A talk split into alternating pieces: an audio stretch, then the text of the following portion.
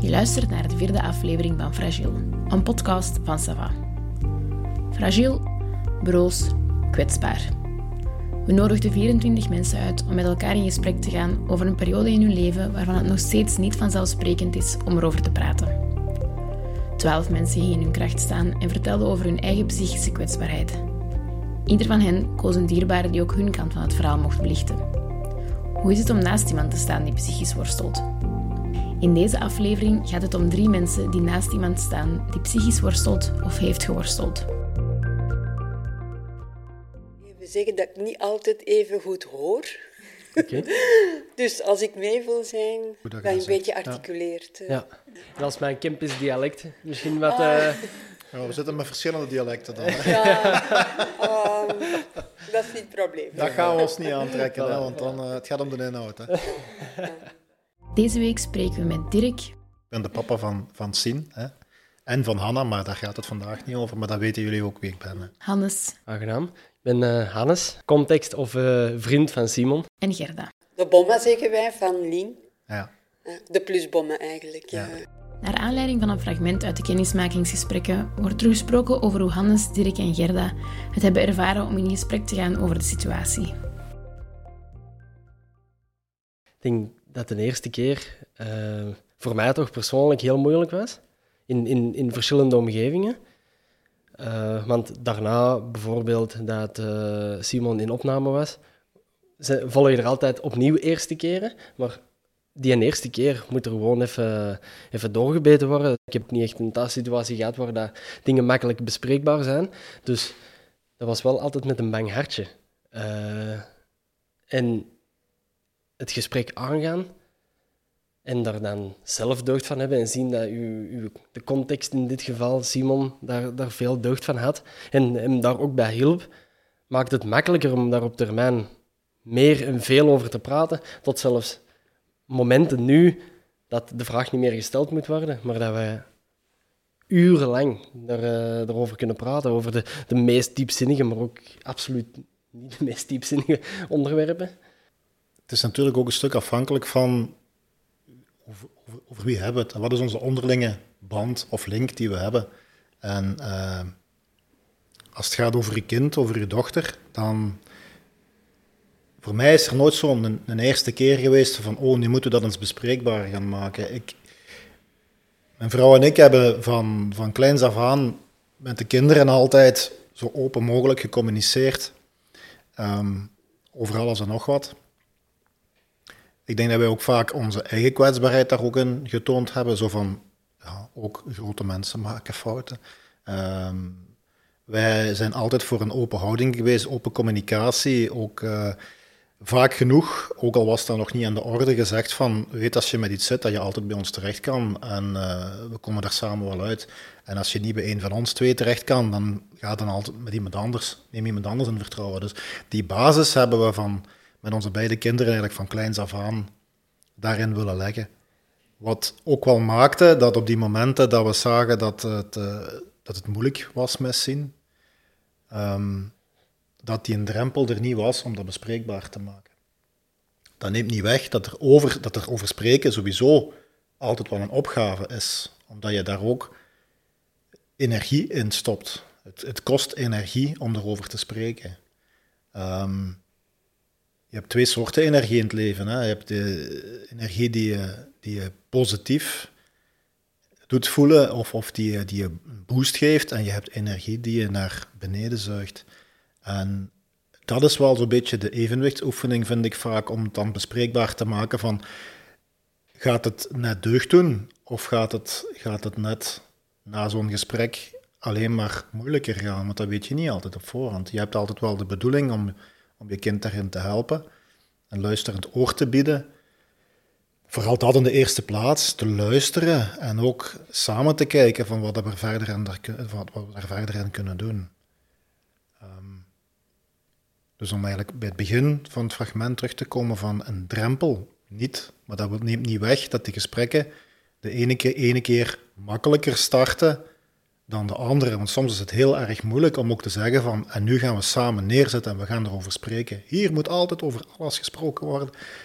Eh, ja, maar kies, allee, En dan achteraf is het wel van, maar goed dat we erover gesproken hebben. Maar het is niet altijd vanzelfsprekend, ook al is er geen, is er geen uh, drempel.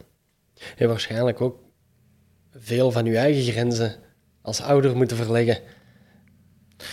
Uit, uiteraard. Um, als ouder doe je ook maar wat. Hè? uh, we zijn nog altijd uh, diezelfde persoon die, die ook zelf een kindertijd en een jeugd doormaakt en een studententijd doormaakt en probeert uh, zijn of haar plaats in onze samenleving te vinden met ups en downs. We hebben dat ook allemaal gekend. We hebben ook allemaal moeilijke momenten gekend. Um, maar als je dan ziet dat je kind op een bepaald moment begint te lijden onder een situatie, um, dan gaat dat niet over jezelf. En, en dan, dan komt daar toch een bepaald moment een. Op de momenten dat je, dat je merkt dat je ze niet meer zo kan bereiken. Uh, dat het niet meer gaat over, over enkel uh, een kind dat je tegen je aan kan nemen en, en gewoon lekker lang kan knuffelen totdat het terug oké is. Dat dat niet meer voldoende is. Um, en dat er soms ook weerstand komt. Um, dat zorgt ook voor een bepaalde hulpeloosheid op een bepaald moment. Een machteloosheid. En dat vond ik nog het moeilijkste gedurende heel, heel het proces in feite. Het, het, uh, het niet weten van welk hout nog pijlen maken op een bepaald moment. En dat doet heel veel pijn, vind ik zelf, naast de pijn dat je ziet bij, bij je kind zelf, maar ook op den duur bij, bij de rest bij van het gezin, bij de andere gezinsleden, die, die datzelfde hebben van, we weten niet meer van welk hout pijlen maken. En op een duur is er alleen nog pijn. En dat is moeilijk. Ja, de, de machteloosheid was, was dubbel. Um, aan de ene kant Lien willen helpen en ergens wel weten dat ik de, de tools misschien had, maar niet altijd de praktische mogelijkheid, de, de tijd om samen door te brengen of de privacy om samen te praten. Maar van jongs af hebben wij altijd een, een band gehad via verhalen. Um, eerst voorlezen, dan, dan uh, zij schrijft, ik schrijf. En uh, in de nasleep van haar moeilijke periode heeft zij een boek geschreven, een fictief verhaal, maar waarin ik haar heel sterk in herkende. En dan waren wij een periode aan zee en zat dat manuscript bij. En dan konden we over dat boek wel praten. Ik kon haar lezen. En in mijn feedback op de personages, zelfs als er andere oren in de buurt waren, kon ik haar wel dingen meegeven. Maar de grootste machteloosheid was, ik zou meer tijd samen willen hebben onder ons tweeën. Um, maar op een of andere manier kwam dat toch wel binnen en had ze er iets aan. En voor de rest wat is, is wrijven over die rug, is een knipoog, uh, een glimlach. Uh, dat wij ook elkaar ja, via de literatuur misschien begrepen, maar ook in, in het vastpakken, in een knuffel. Oh, ik keek af en toe in een spiegel, ja. Ja, die, die spiegel. Denk dat dat iets is. Heel dat verhaal wat we nu doorgemaakt hebben, wat Sien doorgemaakt heeft, waar dat wij heel kort op zaten, ook als gezin, wordt je op heel veel momenten een spiegel voorgehouden. En is het vaak ook een confrontatie met jezelf. Um, niet enkel van pak ik dit goed aan of pak ik dit niet goed aan, maar van, van ja, soms een keer nadenken over dingen die je op moeilijke momenten zelf gezegd hebt of gedacht hebt zelfs. Um, Absoluut.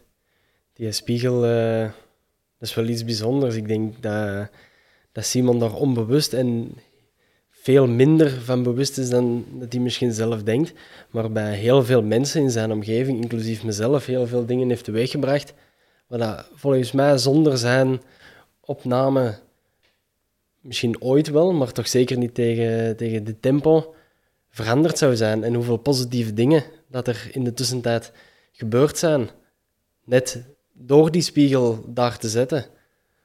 Um, denk dat hij daar zelf uh, niet altijd even goed bewust van is, maar uh, dat heeft een hele grote impact gehad in zijn naaste omgeving ook. Op een positieve manier. Um, ik denk dat hij dat soms heeft gezien als een zwakte, die opname. Uh, ook nog een taboe, terwijl het uh, absoluut voor niks nodig is.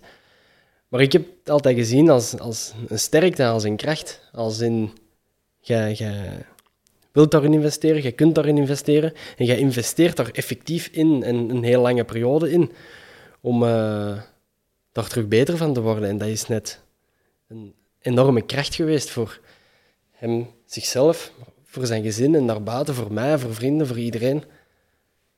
Ik denk, uh, dat is heel confronterend, maar uh, iets zeer moois ook, denk ik. Maar het is ook heel mooi dat je dat, dat je dat zegt. En ik denk ook dat het voor de persoon zelf ook heel belangrijk is dat ze die, die reacties ook krijgen. Um, dat, je, dat je ook tegen hun echt kunt zeggen van, je bent een heel... Allez, het klinkt soms contradictorisch op het moment zelf, maar van, je bent ook een heel krachtige persoon.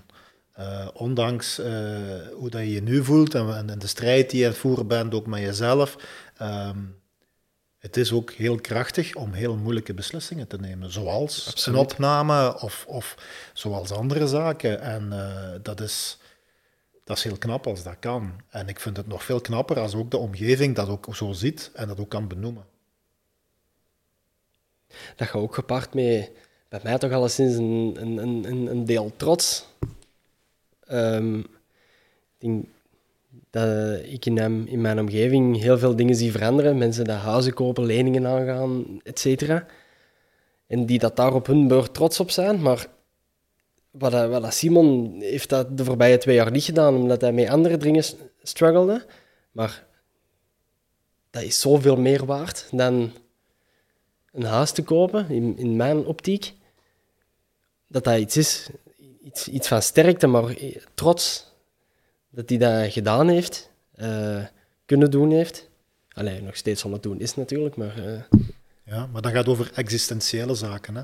Dat gaat over dingen die, die veel moeilijker te vatten zijn. Dat gaat niet over een baksteen, dat gaat niet over uh, een stuur dat je vast hebt, hè, of een auto of zo. Dat gaat gewoon over, over jezelf.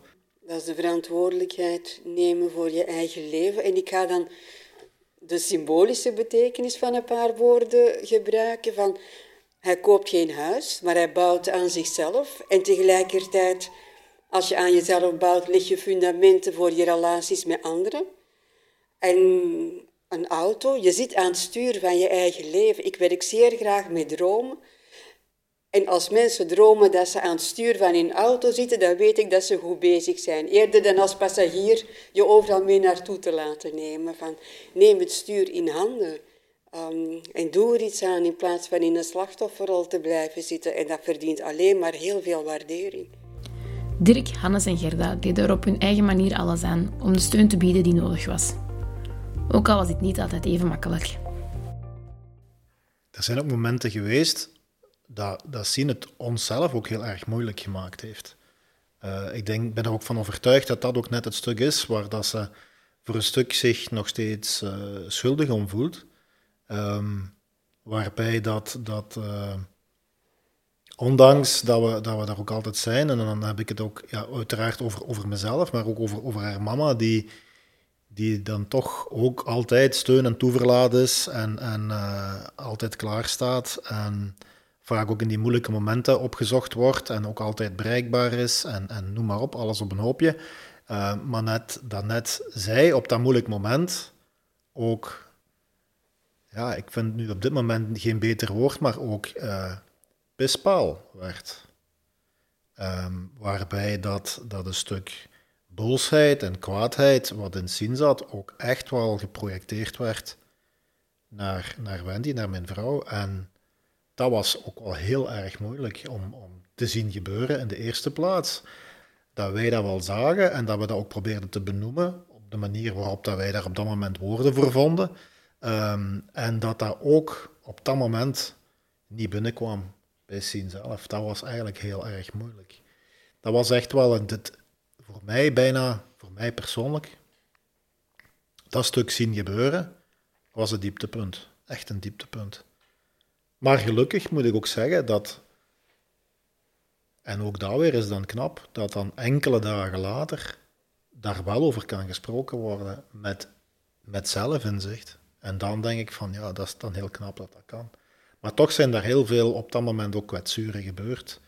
Ehm, en die dingen zijn ook niet altijd makkelijk te slikken en dat moet je ook benoemen. Maar ik begrijp heel, heel, heel goed dat als er over grenzen gegaan wordt, dat er dan niet altijd begripvol kan gereageerd worden.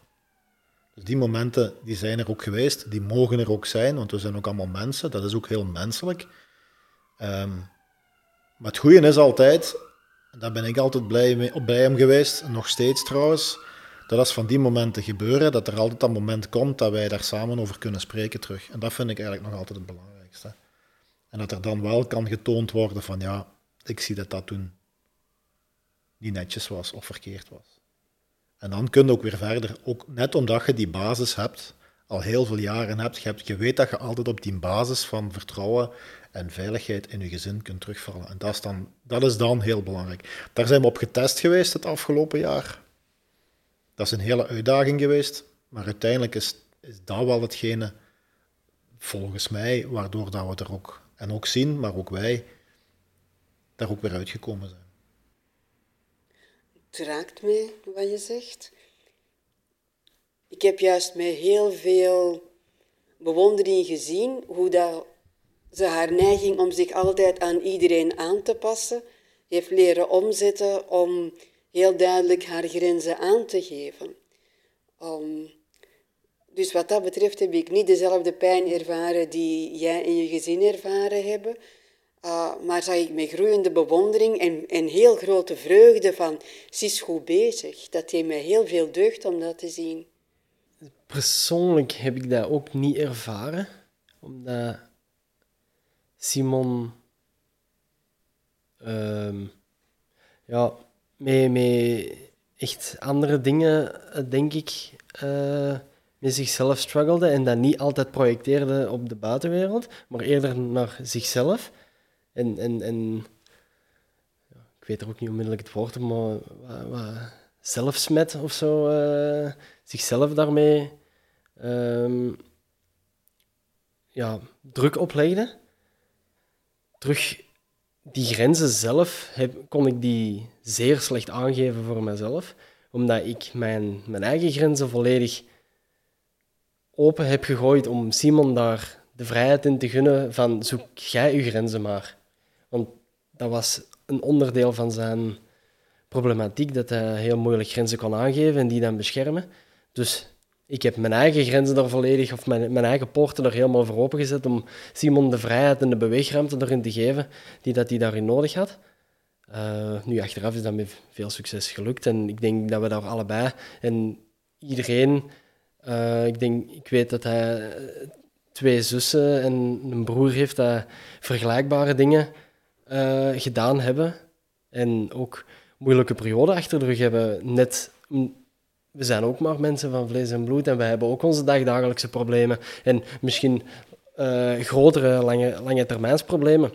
Maar om die even aan de, aan, de kant te zetten, um, om, om de andere persoon daarin de ruimte te geven, dat is iets wat uh, ik zelf, Simon zelf ook, maar ik denk als groep ook hebben moeten leren. Zoals bleek uit de vorige aflevering, heeft medicatie een enorme impact gehad op het traject van Sien. En dus ook op haar omgeving. Dat is iets moeilijk, hè. Op het moment dat je meegaat in een beslissing, dan leg je dat ook in de handen van degene die daar specialist in zouden moeten zijn. En dan geef je dat een kans. En probeert je daar vertrouwen in te geven en ook naar zien toe te zeggen van we moeten dat een tijdje een kans geven en dan hopelijk res, uh, sorteert dat het juiste, het juiste resultaat. Maar dat bleek niet zo te zijn. En achteraf bekeken is het altijd makkelijk om met, met modder te gaan gooien um, naar degene die, die, dit of dat gedaan heeft. Um, ik denk gewoon, achteraf bekeken hadden we gewoon nooit met een antidepressivum moeten starten. Maar als je naar een, therapeut gaat die um, dan zien de boodschap geeft van na een aantal sessies van jij gaat hier zo alleen door op gesprek te komen niet uitgeraken. Ik raad jou aan om met een antidepressivum te starten. Geef het mee op een post-itje van bespreek dit met je huisarts. Dit is iets waar dat ik goede resultaten in zie. Toen hadden we wel onze bedenkingen van, is dat nodig of niet? Maar goed, we zullen het met de huisarts bespreken. En inderdaad, met de kennis van nu is het altijd makkelijk daarover te spreken. Want je gaat er maar vanuit dat je die persoon daar recht voor u zit, een dokter of een psychiater of een therapeut, uh, dat je er maar vanuit gaat dat die persoon recht tegenover u ook het beste van zichzelf op dat moment aan het geven is en dat bij al die kwetsbare mensen opnieuw. Ja, dat, dat klopt. Er, bij ons, dat is onze ervaring geweest, maar ik, ik hoed me toch om te zeggen dat medicatie in alle gevallen geen goed idee is. Ik denk dat medicatie, daar heerst ook een heel groot taboe op. Ehm, en ik denk dat medicatie in een heel aantal gevallen ook wel ondersteunend kan zijn. Um, daar ben ik wel van overtuigd. Ehm, alleen was dat niet zo bij mijn dochter. En is dat gewoon averechts uitgedraaid. En dat is gewoon wel jammer ik, ik vind het heel knap dat er ook uh, de laatste jaren echt campagnes zijn, ook om, om, om ook hier en toen zijn trouwens ook, maar ook om, om uh, geestelijke gezondheid en het taboe wat daarop heerst als het niet zo goed met je gaat, om dat uit de taboesfeer te halen. En medicatie is daar ook wel een stuk een deel van, vind ik. Uh, maar medicatie, is nog altijd, en dat geldt even goed als dat gaat over een paracetamol of iets anders, medicatie is geen snoepje dat je zomaar te pas en te onpas neemt. Als mensen niet meer in staat zijn om in therapie te praten, omdat ze overspoeld worden door emotie, als het tot boven de lippen komt, dan kan medicatie nodig zijn, maar dan is het nog altijd belangrijk om dat goed op te volgen van is het de juiste. Hannes werd door Simon uitgekozen als zijn contactpersoon tijdens zijn opname die tijdens de covid-pandemie viel. Voor Hannes voelde het aan alsof hij een soort van uitverkorene was. Dat was omdat corona twee jaar geleden ineens er plots was. En niemand mocht naar dat centrum gaan. En in het begin was het dan een beetje stiekem afspreken, in het bos gaan wandelen daarnaast. Uh, na verloop van tijd zagen ze dat er toch een aanpassing aan moest gebeuren, omdat dat voor die mensen daar zelf ook ja, een noodzakelijkheid was om af en toe te kunnen ventileren met luchten en, en luchten met mensen van, uh, van, van buitenaf. En toen mocht er één persoon zijn die officieel um, langs mocht komen en dan altijd.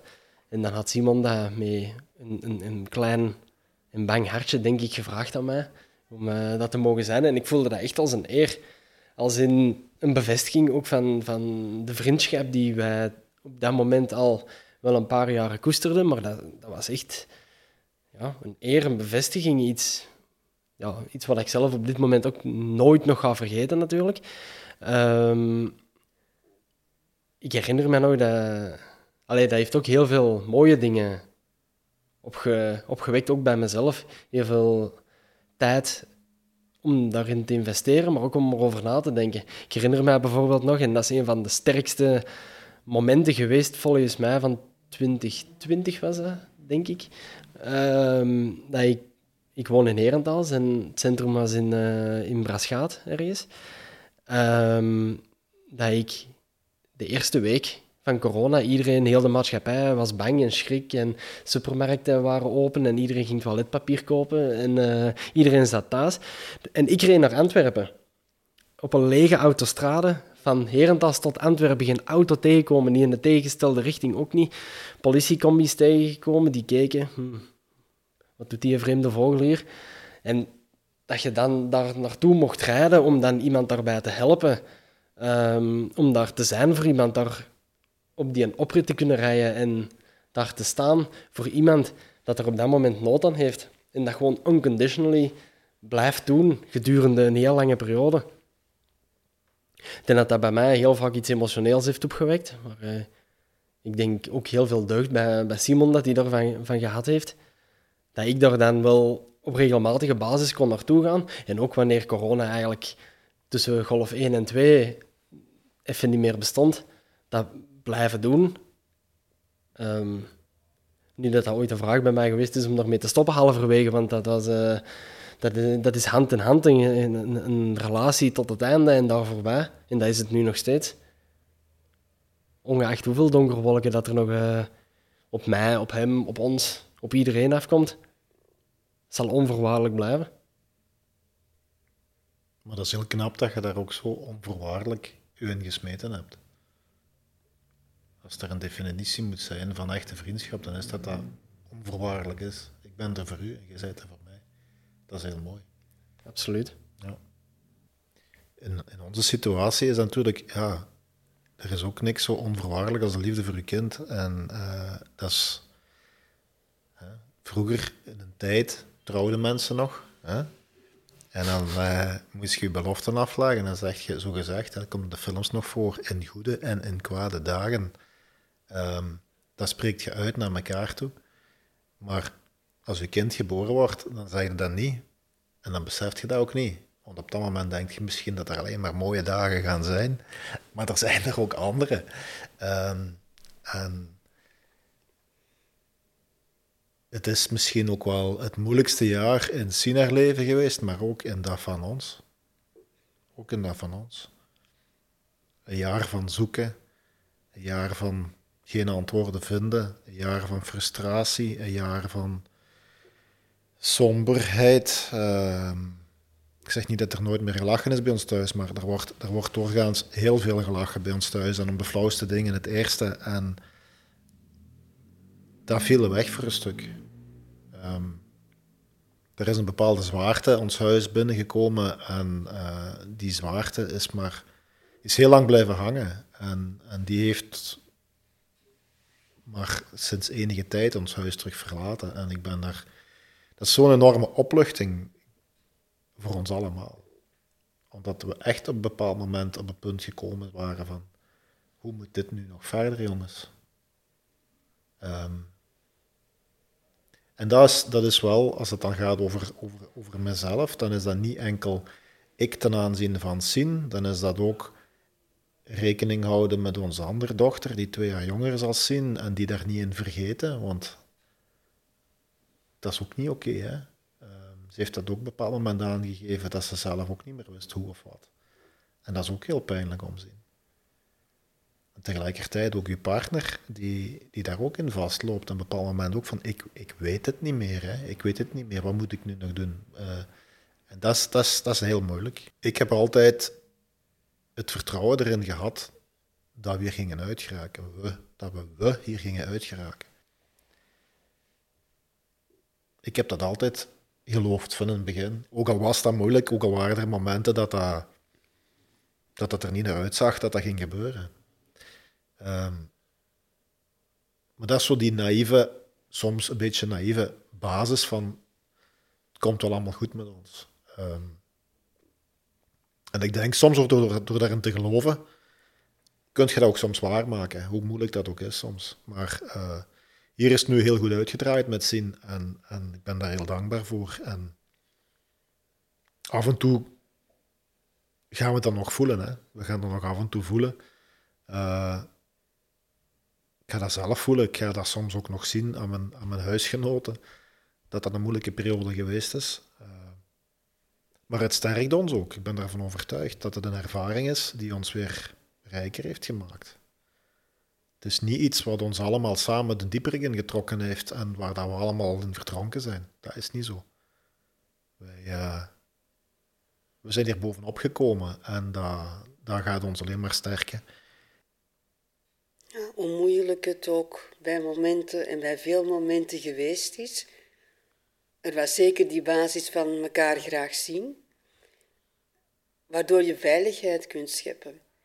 En ik zit een beetje in een, in een andere uh, situatie met. Um, veel minder dichtbij uh, dan ik gewild zou hebben, maar ik had wel de geruststelling dat zij thuis een heel warm nest heeft, dat daar die veiligheid was die, die jullie als groep geboden hebben. Um, maar ik, zie ook, ik zag ook wel de kwetsbaarheid van, uh, van Lien haar gezin daarin. Hoe moeilijk zij daarmee hadden. En ook daar werd ik heel dikwijls geconfronteerd met mijn eigen onmacht. Van, ehm, dat klinkt nu heel vreemd misschien. Ehm, maar ik zou er liever bij momenten middenin gezeten hebben, midden in het moeilijke, in het donkere. Um, dan machteloos is ook het woord niet, maar uh, dan aan de zijlijn te moeten staan en het moeten doen met de paar momenten die ik had. Ik had liever er mee middenin gezeten en mee afgezien. En toch het gevoel gehad van, um, ik ben er. Ik neem mezelf dan niet kwalijk, want het was wat het was en dat was mijn context. Um, maar ik vind het wel spijtig dat dat zo gelopen is.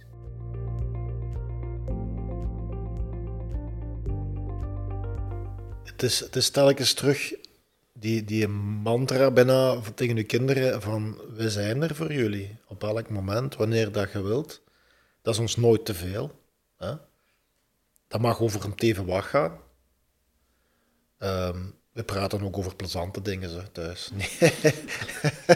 uh, het is niet alleen kommer en kwel. Maar, maar goed, het gaat er vandaag natuurlijk een beetje over. Maar er wordt over van alles en nog wat gepraat. Er is heel weinig dat thuis niet op de, op bovenop tafel belandt. Um, en ik vind al het feit dat, u, dat uw kind kan zeggen van... Ja, hier ben ik weer met me geklagen, met me gezagen. Is dat niet te veel voor jullie? Dat is op zich al... Als ze dat zeggen, dan is het al goed eigenlijk. Hè? Allee, uh, dus dat is gewoon telkens nog eens herhalen. Nee, Sint, het is oké. Je, je moet je niet anders voordoen dan je voelt. Absoluut. Dat gaat uh, voor velen, al dan niet iedereen, het belangrijkste zijn in uh, zo'n proces. En ik denk dat, dat, Simon en ik nu ook in een soort van relatie zitten waar dat de moeilijkste dingen eerst besproken worden. Um, maar ook wel grappige momenten soms uh, ja, met zich meebrengt. Om, omdat je gewend bent om het gemakkelijkste eerst aan te pakken, maar om net bij het moeilijkste eerst te beginnen, komt de rest altijd wel iets gemakkelijkers en, en verteerbaarders voorbij. Maar inderdaad, dat samen. Heel moeilijke onderwerpen. Hè. In, in ieder zijn traject zijn, zijn er zwarte schapen die dat weggewerkt moeten worden. Maar daar is samen, samenhorigheid een, uh, een heel belangrijke factor in. En kunnen luisteren zonder te oordelen, zonder te veel advies te geven. Um, en er ergens op vertrouwen dat ja, Lien of, of Simon of Sien dat die in zichzelf hun eigen wijsheid hebben. En als we maar lang genoeg en steeds opnieuw luisteren, dat die hun eigen wijsheid wel vinden. En dan is het die van hen en niet iets dat van een therapeut of wie dan ook wordt uh, opgedrongen, vaak vanuit eigen onmacht om te willen helpen, of vanuit uh, eigen issues. Um, maar ik probeer er altijd van uit te gaan dat degene die een probleem heeft ook de oplossing in zich heeft. En alleen maar een bemoedigende, steunende, luisterende omgeving nodig heeft. Uh, die als jij het nog niet kunt voor jou hoopt en gelooft. En ook een, wij noemen dat een containmentfunctie heeft. Als de ander in duizend stukjes uit elkaar ligt, zoals jij er straks naar, uh, met je handen ook gebaar maakt voor Simon. Ik geef de ruimte van, ik ga jou wel bij elkaar. En binnen die veiligheid mag jij op zoek gaan en vallen en struikelen. En ik help je wel opstaan, ik loop met je mee. Maar het is jouw proces en ik ga de verantwoordelijkheid niet overnemen door jou te veel te gaan sturen. Ik denk dat dat een hele belangrijke is. We vroegen aan onze drie sprekers of ze gedurende deze periode de mogelijkheid hadden om zelf te praten over hun moeilijkheden. Ik wel alleszins. En ik denk dat toevallig de persoon waar ik over spreek, ook in tegenstelde richting dat over mij zegt, dat onvoorwaardelijke waar dat ik daar straks over praatte. Ik denk, uh, en ik voel dat ook absoluut, dat dat van Simons en de kant ook naar mij toe is. Ik denk de voorbije twee jaar waren voor mij persoonlijk ook niet altijd even fantastisch. En heel zwaar zelfs, met momenten. Um, maar op mijn manier, mijn unieke manier, denk ik. Um, ja, waarin dat Simon mij dan daar ook heeft doorgetrokken. En dat, dat, dat is een wisselwerking. Soms naar het einde toe reden we niet ergens naartoe om over Simon te praten, maar over mij. En dat is die onvoorwaardelijke band, dat unieke, dat, dat ons daar zo sterk in gemaakt heeft om hier nu in deze stoel te zitten en daarover te mogen praten. Maar ik denk dat dat uh, ongetwijfeld ook uh, vice versa zou kunnen zijn. Er is bij ons heel veel met Sien gepraat. Er is ook heel veel over Sien gepraat, als Sien er niet bij was. In de eerste plaats denk ik dan met, met de rest van het gezin. Hè? Uh, met mijn vrouw, met mijn dochter, die ja, bij momenten dat we daar ook nood aan hadden om daarover te spreken, um, wat dat met ons deed. Maar daarnaast ja, iedereen heeft daar zijn uitlaatklep in nodig, denk ik. En ik heb zeker bij momenten uh, een, collega of, of, of een, vriend of, of, of, een ander familielid wel tenminste een deel daarvan kunnen vertellen. Ik denk dan vooral ook dat deel wat dat met mij doet. En niet zozeer in detail gaan wat dat er allemaal met Sien aan de hand was. Want uiteindelijk is dat, ja, probeer ik daar toch ook wel haar privacy een beetje in te, te, te beschermen. Of toch tenminste, hoeft niet iedereen alles te weten wat dat er letterlijk gezegd is of wat er letterlijk gebeurt. Maar gewoon het feit dat ik ook gewoon even ergens kon zeggen van het is niet gemakkelijk thuis. Uh, het gaat niet zo goed met zien. Um, en dat is ook belangrijk dat dat kan. Want dat geeft dan ook weer zuurstof om het daarna wel weer terug aan te kunnen dat is heel belangrijk. Ik denk dat ik vooral blij moet zijn dat ik zelf heel goed in mijn vel zat. Want heel veel is daar bij anderen niet over gepraat. Um, wel over de gedeelde bezorgdheid naar onze kleindochter. Um, maar in manier van met die kwetsbaarheid of met de situatie om te gaan, uh, zijn we nogal verschillend. Um, dus echt delen, was, wel de bezorgdheid delen, maar om het bespreekbaar te maken was toch wel, wel vaak moeilijk. En dan ja, kan ik alleen maar, moest ik niet zelf een lange weg hebben afgelegd en misschien geen therapeut zijn, dan denk ik dat het heel zwaar zou geweest zijn. En nu viel dat eigenlijk allemaal best wel mee eenzaam, maar het viel best wel mee om het aan te kunnen. Heb je na het horen van deze podcast nood aan een gesprek? Dan kan je steeds terecht op het gratis nummer 106 van Teleonthaal, de zelfmoordlijn op het nummer 1813. En weet dat je ook bij je huisarts of in crisissituaties bij de spoeddienst terecht kan. Zorg voor jezelf, blijf erover praten. Deze podcast van Sava werd mede mogelijk gemaakt door de financiële ondersteuning van Young Lions Lier.